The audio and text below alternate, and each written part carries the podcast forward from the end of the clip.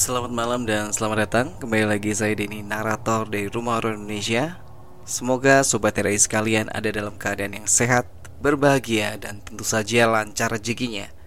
Pada malam hari ini saya akan bacakan cerita horor Yang ditulis di buku 10 horor oleh netizen Yang dipublish oleh Alo Mulyadi. Dan buat kalian yang pengen punya bukunya secara legal dan resmi, seperti biasa link pembelian akan ada di deskripsi. Yuk kita langsung masuk ke ceritanya. Asrama Tua. Ini malam pertama Leta menempati kamar kosnya yang hanya berukuran 4 kali 5 meter. Rumah kos itu termasuk dalam kategori rumah lama Terlihat dari bentuk bangunan dan gerbang yang digunakan Sepertinya rumah ini adalah bangunan asrama zaman Belanda. Harga yang ditawarkan pun tidak terlalu mahal. Jumlah kamar yang disewakan kurang lebih 100 ruangan. Di setiap kamar para penyewa diberi fasilitas tempat tidur besi yang dialasi dengan kasur kapuk Lemari kayu berukuran sedang dan sebuah meja rias kayu jati dengan ukiran daun di seluruh sisinya. Jendela kamar Aleta menghadap ke arah belakang rumah. Beberapa pohon besar terlihat jelas jika jendela tersebut dibuka. Aleta sempat mendengar bahwa bangunan ini angker. Namun Aleta tidak peduli karena sejak kecil Aleta sudah menyukai segala sesuatu berbau horor. Baik itu buku, film, kisah-kisah nyata yang merujuk pada dunia gaib. Walaupun hingga detik ini Aleta tak pernah melihat makhluk astral yang sering kali digambarkan berwajah menakutkan. Namun ia percaya mereka memang ada. Malam pertama dilaluinya dengan lancar, bahkan ia tak sempat bermimpi. Mungkin karena ia terlalu lelah membereskan kamar, maka ia pun tidur dengan lelapnya. Pagi-pagi sekali Aleta berangkat ke kampus di gerbang luar ia berpapasan dengan Nyonya Ramsis, pemilik bangunan tua itu. Selamat pagi Nyonya. Hai Aleta, selamat pagi. Bagaimana semalam? Apa kau tidur dengan nyenyak? Iya Nyonya, sangat nyenyak. Gangguan nyamuk pun tak berhasil membangunkan saya. Saya berangkat dulu ya, ada ujian hari ini. Permisi Nyonya. Nyonya Ramsis mengangguk sembari menyunggingkan sebuah senyuman. Wanita itu tampak aneh. Ia menggunakan baju panjang warna hitam dan berkerudung. Hampir seluruh tubuhnya terselimuti pakaian. Hanya wajahnya saja yang tidak. Namun ia selalu menunduk. Aleta melangkah cepat. Jarak antara kampus dan kos tak terlalu jauh. Cukup naik angkutan umum 5 menit saja, maka ia sudah sampai di kampusnya. Suasana kampus sudah cukup ramai. Beberapa rekan sekelasnya nampak sibuk dengan buku catatan di tangan mereka dengan bibir komat kamit seakan menghafalkan bahan ujian. Aleta duduk di baris paling belakang. Tubuhnya masih lelah karena hari kemarin. Hai Let, ngapain di sana? Sini dekat aku. Tukas Jani yang duduk dua baris di depan Aleta. Di sini aja Jan. Takut ketahuan kalau aku ngantuk nanti. Jawab Leta sambil mengeluarkan alat tulis dari dalam tasnya. Jadi mengalah, justru ia yang pindah posisi mendekati Aleta. Maaf ya Let, kemarin aku gak bisa bentuk kamu. Mama masih sakit. It's okay darling, aku bisa selesaikan sendiri. Sudah biasa aku pindah-pindah kos sendirian. Bagaimana suasananya? Pemilik kos? Teman-teman kos? Pemilik kos itu namanya Nyonya Ramsis. Teman-teman kos? Hmm, aku belum berkenalan sih. Waktu aku berangkat tadi, suasana kos sangat sepi.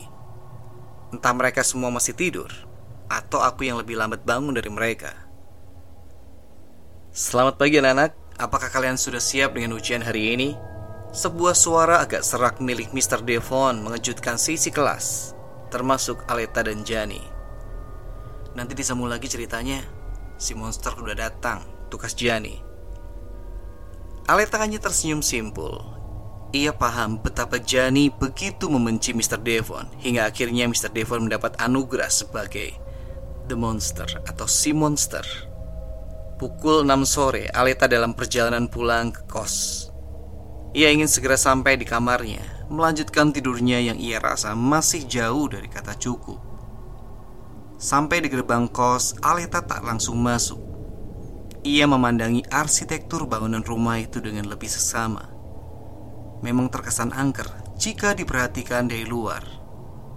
Ditambah lagi suasana juga sangat sepi. Ah, mungkin penghuni lain belum pulang, ucapnya dalam hati. Aleta membuka gerbang perlahan. Walau catnya sudah mengelupas, namun gerbang ini terlihat masih sangat kokoh. Aleta berjalan melewati taman depan kos. Di sana terdapat sebuah ayunan yang nampaknya sudah berkarat. Dua buah lampu taman terlihat sangat berdebu belum dinyalakan karena ini masih sore. Aleta berjalan, namun pandangannya tak bisa lepas dari taman itu. Aduh, maaf Nyonya. Tak apa Aleta. Aleta menabrak Nyonya Ramsis tepat di depan tangga menuju kamarnya. Beberapa detik memandang wajah Nyonya Ramsis, kemudian Aleta menunduk dan melanjutkan langkahnya menuju kamar. Sampai di kamar, jantung Aleta berdegup sangat kencang. Ia sempat melihat wajah Nyonya Ramsis saat insiden tadi. Wajah itu begitu dingin, walaupun Nyonya Ramsis menunduk. Aleta membandingkan tubuhnya di kasur kapuk itu. Tanpa sadar, ia tertidur. Beberapa jam kemudian, Leta, Leta, sebuah suara yang begitu halus membangunkan Aleta dalam tidurnya. Aleta membuka mata Seorang gadis cantik dengan rambut ikal berwarna keemasan dengan gaun khas noni Belanda sudah ada di depannya. Sepertinya mereka seumuran. Aleta terdiam. Ia yakin bahwa gadis ini bukan manusia. Tak usah takut, aku penghuni kamar sebelah. Kau anak baru kan? Tadi kau lupa menutup pintu kamarmu. Maaf jika aku lancang masuk tanpa izin. Aku hanya ingin berkenalan. Aleta memandangi gadis itu dengan sangat teliti. Kakinya menempel di lantai. Kulitnya putih bersih, bukan putih pucat. Sepertinya memang dia manusia. Hai, iya nggak apa-apa. Siapa namamu? Tanya Aleta dengan nada hambar. Karena ia masih terkejut. Aku Salia, jawabnya singkat. Setelah kejadian itu keduanya nampak terlihat sangat akrab. Setiap Aleta pulang dari kampus, Salia selalu menemani Aleta dalam kamarnya. Mereka berbincang-bincang. Salia sangat memahami sejarah, terutama saat Indonesia ada di zaman Belanda. Hingga tahunnya pun Salia hafal di luar kepala. Wajar saja, Salia keturunan Belanda. Ayahnya adalah seorang Belanda yang bekerja di Indonesia. Ibunya suku pribumi. Wajahnya bisa dibilang sempurna, cantik luar dalam. Beberapa minggu berlalu, Aleta mulai merasakan ada yang aneh di rumah kos ini. Ia merasa seakan-akan hanya dirinya, Nyonya Ramsis dan Salia yang tinggal di sana. Karena ia selalu menemukan kos dalam keadaan sepi. Tak ada suara riuh khas kos perempuan. Sampai pada suatu malam saat ia dan Salia tengah asyik menikmati green tea di kamar Aleta. Sal, apa kamu kenal dengan penghuni yang lain? Hah? Oh, kenal. Tapi aku jarang berinteraksi dengan mereka. Kenapa, Leta? Tidak apa, hanya heran. Sejak awal datang, aku hanya melihatmu dan Nyonya Ramsis. Kau harus terbiasa dengan kondisi sepi, seperti aku. Aleta diam. Ia masih penasaran mengapa kos ini nampaknya amat sangat hening. Ia berniat besok saat libur kuliah, ia akan menyambangi kamar penghuni lainnya untuk berkenalan. Hari yang ditunggu tiba. Aleta mengetuk setiap pintu. Namun baru saja ia sampai di pintu ketiga, Nyonya Ramses mendekatinya tiba-tiba. Sedang apa Aleta? Um, ini uh, anu eh, saya ingin berkenalan dengan mereka Nyonya. Jawab Aleta terbata. Mereka semua sedang dalam masa liburan Beberapa ada yang pulang ke rumah, sebagian lagi ada yang pergi menginap di luar kota. Oh, begitu. Sudah berapa lama Nyonya? Sudah dua bulan. Apa kau merasa kesepian? Tidak juga, hanya saja saya merasa asing dengan lingkungan yang sepi. Hanya belum terbiasa. Lama-lama kau juga akan menikmati betapa indahnya kesunyian. Aleta pun mengangguk. Ia berjalan kembali ke dalam kamar. Wajah Nyonya Ramsis jauh dari kata bersahabat. Begitu kaku. Di dalam kamar, Aleta mulai membuka beberapa buku koleksinya yang rata-rata bergenre horor. Sampai akhirnya ada sebuah buku yang sama sekali tak ia kenali. Ia merasa sangat asing dengan covernya. Sebuah tangan besar mencengkeram tubuh manusia berukuran kecil. Buku siapa ini? Rasanya aku tak pernah membeli ini. Aleta mulai membuka halaman demi halaman. Aleta menikmati tiap kalimatnya ia terus membaca sampai di halaman tengah ada sebuah mantra. Mantra tersebut menuliskan bagaimana agar kita bisa merasakan bagaimana menikmati hidup dalam kegelapan, seperti hantu-hantu yang bergentayangan. Intinya, mantra itu bisa membuat kita merasakan bagaimana menjadi makhluk gaib. Di situ dituliskan bahwa si pembaca mantra harus ikhlas, tak boleh menyimpan dendam dan penyesalan, Aleta mulai tertarik dengan mantra tersebut dan ia ingin mencobanya. Aleta duduk bermeditasi. Ia sedang mengosongkan hati dan pikirannya. Kemudian Aleta mulai membaca mantra tersebut. Lepas aku dari bumi, biar aku melayang dengan jasad hilang. Ruang-ruang sunyi jadi tempatku antara gelap dan angin jahat. Tak biarkan mata awam menangkap bayanganku hanya yang sama yang mampu menjadi kawanku. Hilang aku bersama aromaku, tanpa jejak, tanpa salam. Kembali aku bukan padanya, tapi pada mereka yang memintaku. Aku lepas napas dan nafsuku untuk pergumulan dalam kegelapan. Perlahan dengan hitungan yang pasti, ia membaca dengan hati-hati sampai di kalimat terakhir. Aleta mulai merasakan kepalanya berat. Pandangannya mulai kabur, sampai kemudian ia pun tertidur. Aleta terkejut. Ia sudah berbaring di atas ranjang. Ia ingat betul bahwa tadinya ia sedang duduk di lantai dengan sebuah buku asing berisikan mantra. Aleta turun dari pembaringannya. Ia mencoba mencari-cari keberadaan buku tersebut, namun tak jua ditemukannya benda itu. Aleta beranjak keluar dari kamar, mencoba mencari Salia. Otaknya langsung mengarah pada garis itu, karena selama ini yang bisa keluar dan masuk kamarnya hanyalah Salia. Namun baru saja tangan mungilnya ingin membuka pintu, ia menghentikan langkahnya. Aleta baru ingat bahwa selama ini Salia tak pernah memberitahukan di mana kamarnya. Apa mungkin ia harus mengetuk ke 49 kamar yang ada? Gagang pintu ditarik. Beberapa langkah keluar dari kamar, ia begitu terkejut. Bangunan ini tak sepi lagi. Banyak gadis-gadis berpakaian mirip Salia nampak asik berbincang-bincang di depan kamar. Ada pula yang asik membaca buku. Mereka semua berwajah Indo.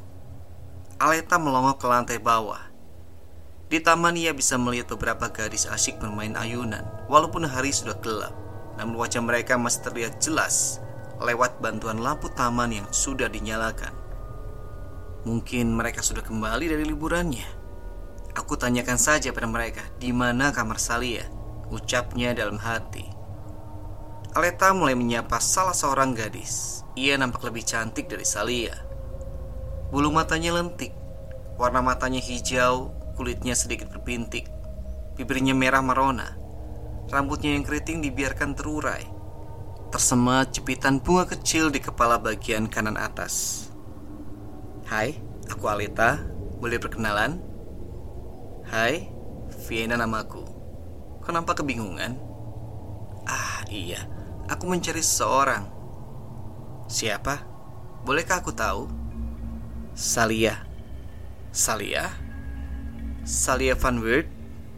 Dia di kamar 66. Setelah mengucapkan terima kasih, Aleta langsung pergi meninggalkan Vienna dan beberapa temannya ia berusaha mencari kamar yang dimaksud. Sesampainya di sana, Aleta melihat sebuah pintu kayu bernomor 66. Ini dia. Aleta mengetuknya. Tak ada jawaban sama sekali. Berkali-kali diketuk juga, masih tak ada jawaban. Aleta pun memberanikan diri membuka pintu kamar itu sendiri, lalu menutupnya kembali. Sangat hati-hati hingga tidak menimbulkan suara sedikit pun. Lampu kamar ini sangat redup, dan ada yang berbeda dari ruangan ini. Tempat tidurnya dibatasi sebuah sekat, dan itu tak dimiliki Aleta di kamarnya. Jadi, saat masuk ke kamar, orang akan melihat meja kecil dan dua kursi kayu terlebih dahulu. Sebuah meja kecil berbentuk persegi nampak penuh dengan foto-foto Salia.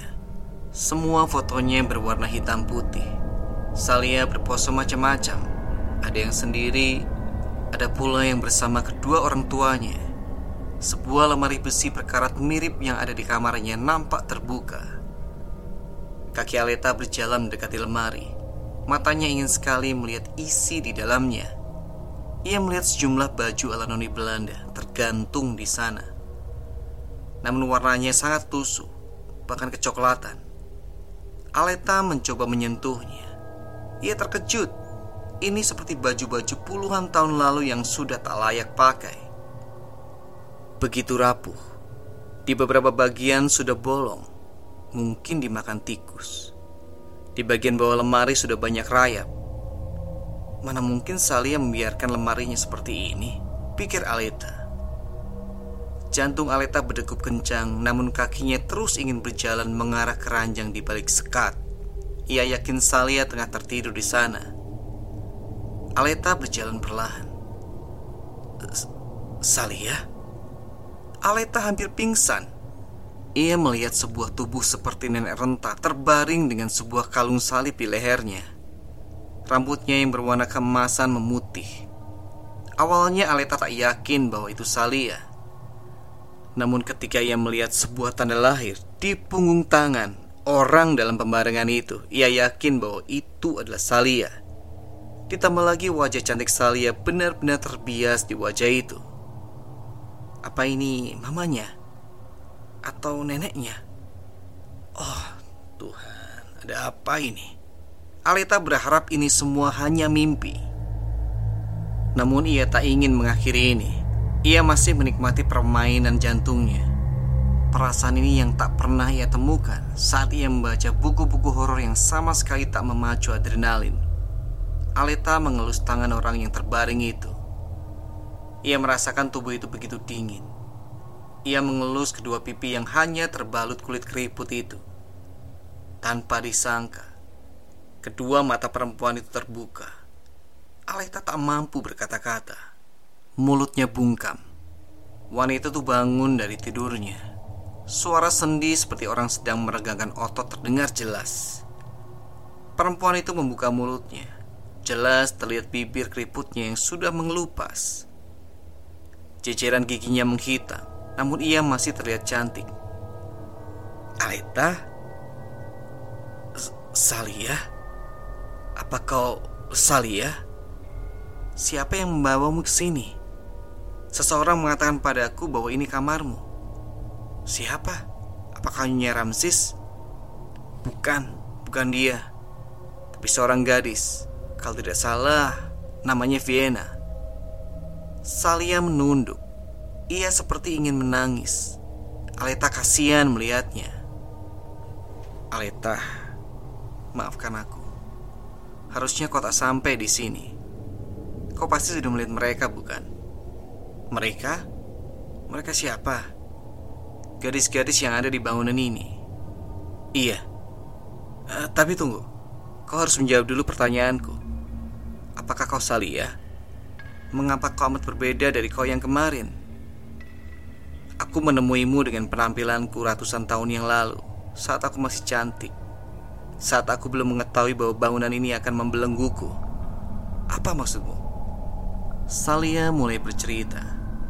Puluhan tahun yang lalu, aku dan beberapa rekanku yang notabene keturunan Belanda secara serempak dimasukkan ke dalam asrama ini. Pemilik asrama ini adalah Tuan Ramsis. Ia terkenal memiliki ilmu hitam. Ia memiliki sebuah mantra di mana mantra tersebut bisa membuat orang mati tanpa merasakan sakit dan membiarkan arwah orang tersebut berkentayangan tanpa ada batasan waktu. Awalnya semua nampak normal saja. Namun setelah satu tahun berlalu, satu persatu para gadis menghilang. Sampai yang terakhir sahabatku Lucia. Sebelum menghilang, ia sempat menuliskan surat kepadaku. Ia menceritakan tentang siapa Tuan dan Nyonya Ramsis yang sebenarnya. Lalu ia memberikan padaku kalung salib ini. Ternyata, Tuan Ramses mengetahui surat yang diberikan Lucia kepadaku. Maka dengan ilmu hitamnya, ia mengurungku di sini. Sampai akhirnya Salia menggantungkan kalimatnya ada bulir air mata yang keluar dari pelupuk matanya. Sal, lanjutkan ceritamu. Mungkin aku bisa menolong. Aku tak bertahan lama dalam ruangan ini. Mereka sama sekali tak memberiku makan. Aku pun mengidap asma. Hingga di bulan ke-6 aku mengembuskan nafas terakhirku.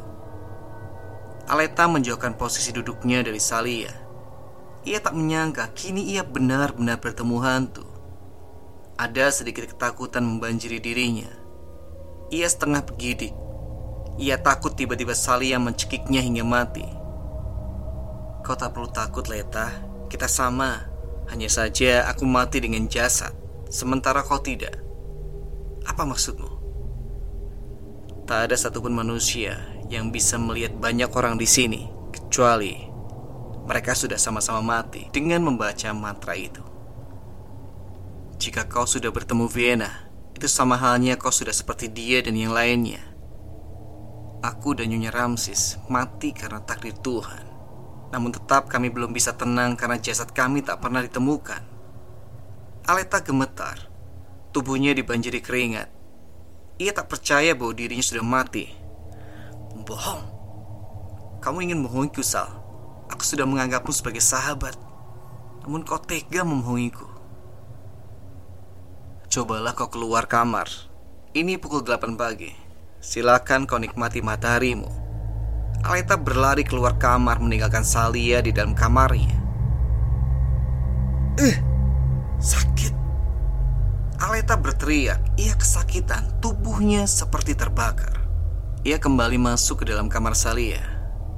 Sudah percaya, kau tak akan lagi bisa menikmati pagi, siang, dan soremu. Kau hanya bisa menikmati malammu. Apakah kau tak menyadari bahwa aku selalu menemanimu di kala malam? Apakah kau tak menyadari Nyonya Ramsis selalu mengenakan pakaian yang menutupi tubuhnya? Ini takdir kita. Aleta menangis senggukan. Ia menyesal membaca mantra itu. Ia merasa bodoh. Ia tak menyangka bahwa kini ia adalah hantu. Apakah ada cara lain, Salia? Tak ada.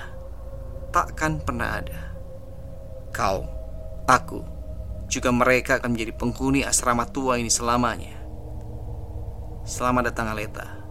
Selamat datang di asrama kita. Dan itulah akhir dari cerita horor kita di malam hari ini. Terima kasih buat kalian yang mendengarkan sampai ke detik ini. Semoga kalian terhibur dan sampai ketemu di cerita berikutnya. Selamat malam, selamat beristirahat.